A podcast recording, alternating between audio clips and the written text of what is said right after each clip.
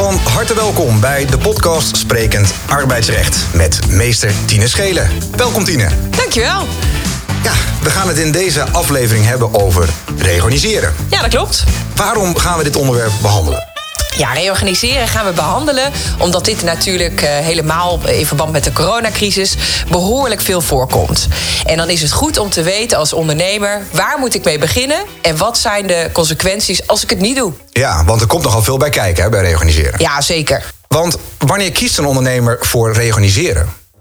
Een ondernemer die kiest voor reorganiseren op het moment dat hij een goede reden heeft. En dan kun je denken aan de bedrijfseconomische redenen. Want die worden uiteindelijk getoetst bij het UWV. Oké, en, en heb je daar voorbeelden van, van zo'n bedrijfseconomische reden? Ja, bedrijfseconomische redenen zijn bijvoorbeeld eh, dat er behoorlijke verliezen worden geleden. Mhm. Dat er sprake is van een nieuw automatiseringssysteem. Maar ook wel dat er sprake kan zijn van een fusie of overname. En dan zie je dat dat echt als bedrijfseconomische redenen voor ondernemer wordt gezien. Mhm. En dat ze dan over willen gaan tot reorganiseren. Oké, en zo'n voorbeeld bijvoorbeeld voor een nieuw computersysteem, uh, wat er geïmplementeerd moet worden, daar heb je een praktijkvoorbeeld van, hè? Ja, uh, ondernemer kwam bij me en die had een nieuw plansysteem. En op basis daarvan konden er een aantal werknemers uit. Mhm. Dan is het dus goed om te kijken: goh, werkt dat echt daadwerkelijk? En kan ik werknemers niet anders uh, nog ergens anders herplaatsen? Mhm. En dan, uh, dan kijk ik graag even mee. Ja. Ja, want dat is dus belangrijk om mee te kijken. Dat is denk ik iets wat een tip die we vaker terug gaan horen. Hè, van joh, laat gewoon even iemand meekijken voor de zekerheid. Uh, want dat kan je voor veel fouten behoeden. Waarom is een reorganisatieplan belangrijk? Ja, ik uh, adviseer eigenlijk altijd een ondernemer om van tevoren goed na te denken over een reorganisatieplan. En dan moet je nadenken over het tijdspad, mhm. maar ook over de eventuele kosten die je gaat maken. Oké. En dan begin je eigenlijk bij een reorganisatieplan, begin je een beetje te schrijven. En dan kijk je, goh, wat zijn de opzegtermijnen bijvoorbeeld van een werknemer? En uh, welke partijen moet ik daarbij inschakelen? Ja. Maar ook wel, uh, welke weg wil je eigenlijk kiezen met je reorganisatie? Gaat dat dan over bijvoorbeeld snel de gang naar het UWV. Mhm. Om te kijken of die ontslagaanvragen allemaal worden goedgekeurd. Of kies je ervoor om werknemers een vaststellingsovereenkomst aan te bieden. Oké, dus dat is eigenlijk een belangrijke uh, keuzes zijn dat die je aan het begin van dat traject moet maken. Ja, en daarbij dus ook de kosten. Want uiteindelijk eh, is het voor werkgever heel goed om te weten welke kosten er nu komen kijken bij een reorganisatie en wat dat uiteindelijk betekent. Het is al eerder genoemd, een vaststellingsovereenkomst. We komen er later uitgebreider op terug eh, in een andere aflevering.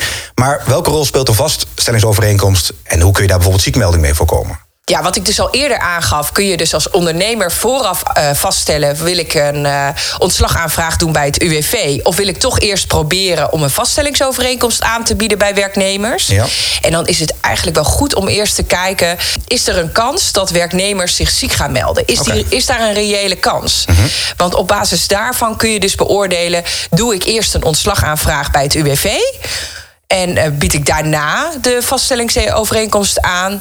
Of zorg ik ervoor dat, uh, dat ik direct de vaststellingsovereenkomst aanbied? Ja, dus dat is een belangrijke afweging om dan uh, te maken. Je noemt net al het UWV. Er zijn natuurlijk meerdere partijen betrokken bij een reorganisatie. Welke partijen moeten we dan aan denken?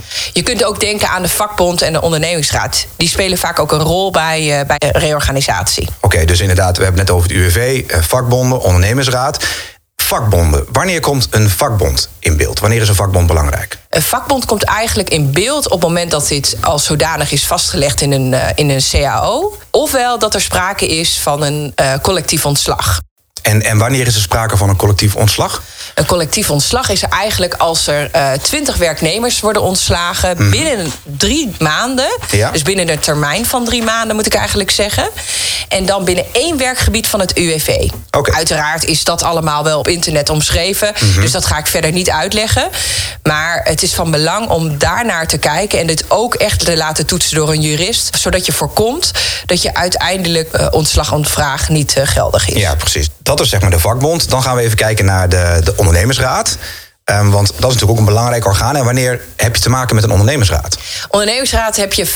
Nou, ondernemers weten eigenlijk wel dat er een ondernemingsraad in een onderneming zit. En op het moment dat jij bezig gaat met reorganiseren, dan is het eigenlijk al van belang dat je vooraf een ondernemingsraad informeert over, ja, over je te nemen plannen. Ja, dus voordat je traject ingaat, ze op de hoogte stellen. Ja. En heb je daar ook praktijkvoorbeelden van? Ja, je hebt, ik heb wel verschillende praktijkvoorbeelden. Aan de ene kant eigenlijk een hele uh, goede reorganisatie. Waarin een ondernemer eigenlijk alle stukken vooraf had aangeleverd. En waarin hij al het sociaal plan had meegenomen. Een document die eigenlijk niet altijd verplicht is, maar wel goed is, omdat je dan aan werknemers duidelijk inzicht geeft over, uh, over de reorganisatie. Ja.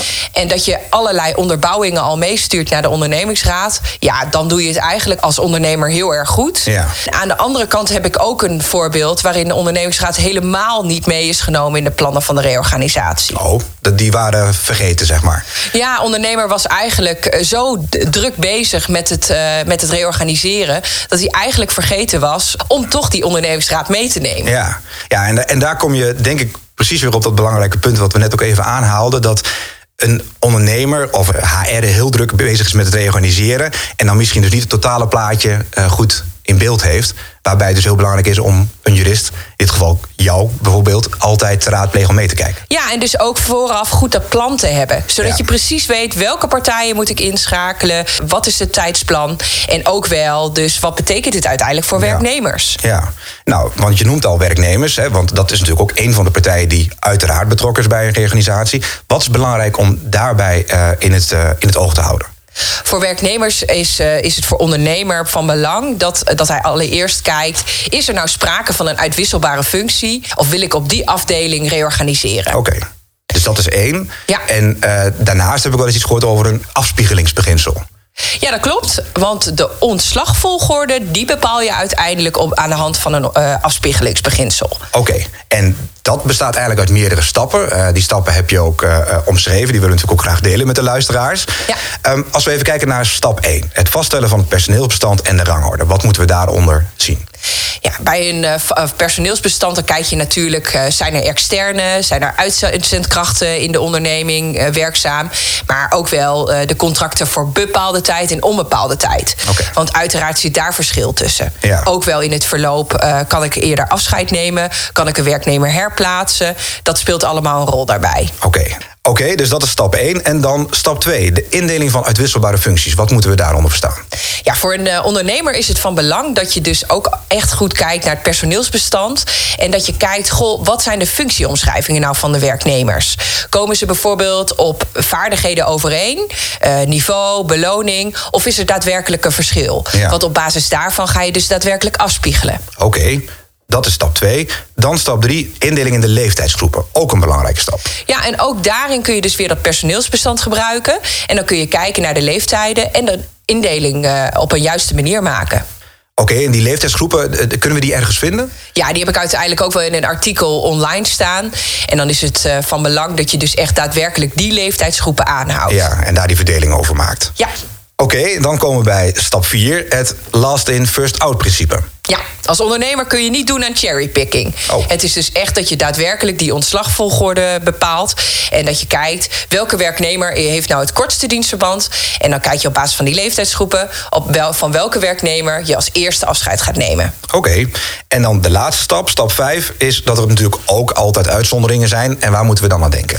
Ja, er zijn altijd uitzonderingen. Alleen bij reorganisatie is de drempel echt wel heel erg hoog. Zo kun je denken aan een werknemer die bijvoorbeeld uh, bepaalde vaardigheden heeft die je eigenlijk als ondernemer niet kunt missen binnen een onderneming. Ja, dus het is belangrijk dat je dus aantoont dat het een cruciale functie is uh, voor je onderneming om uh, die wel te behouden. Ja, kijk dus van tevoren goed uh, naar het personeelsbestand. Maak een overzicht van de uitwisselbare functies. Mhm. Mm -hmm. Zorg ervoor dat je dan uh, de ontslagvolgorde bepaalt door het afspiegelingsbeginsel.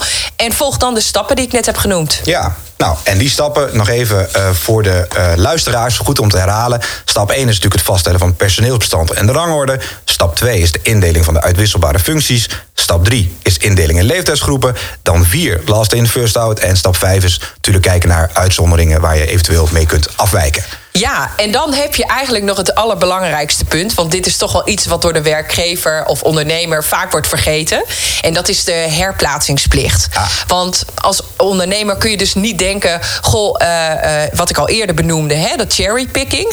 Nee, je zult dus die ontslagvolgorde moeten bepalen. Maar je moet ook echt daadwerkelijk kijken: kan ik werknemer nog herplaatsen binnen een ander onderdeel van de onderneming of binnen een andere groep van de onderneming? Ja, en, en bijvoorbeeld, want dan komt natuurlijk, denk ik, bijscholing en cursussen ook om de hoek kijken.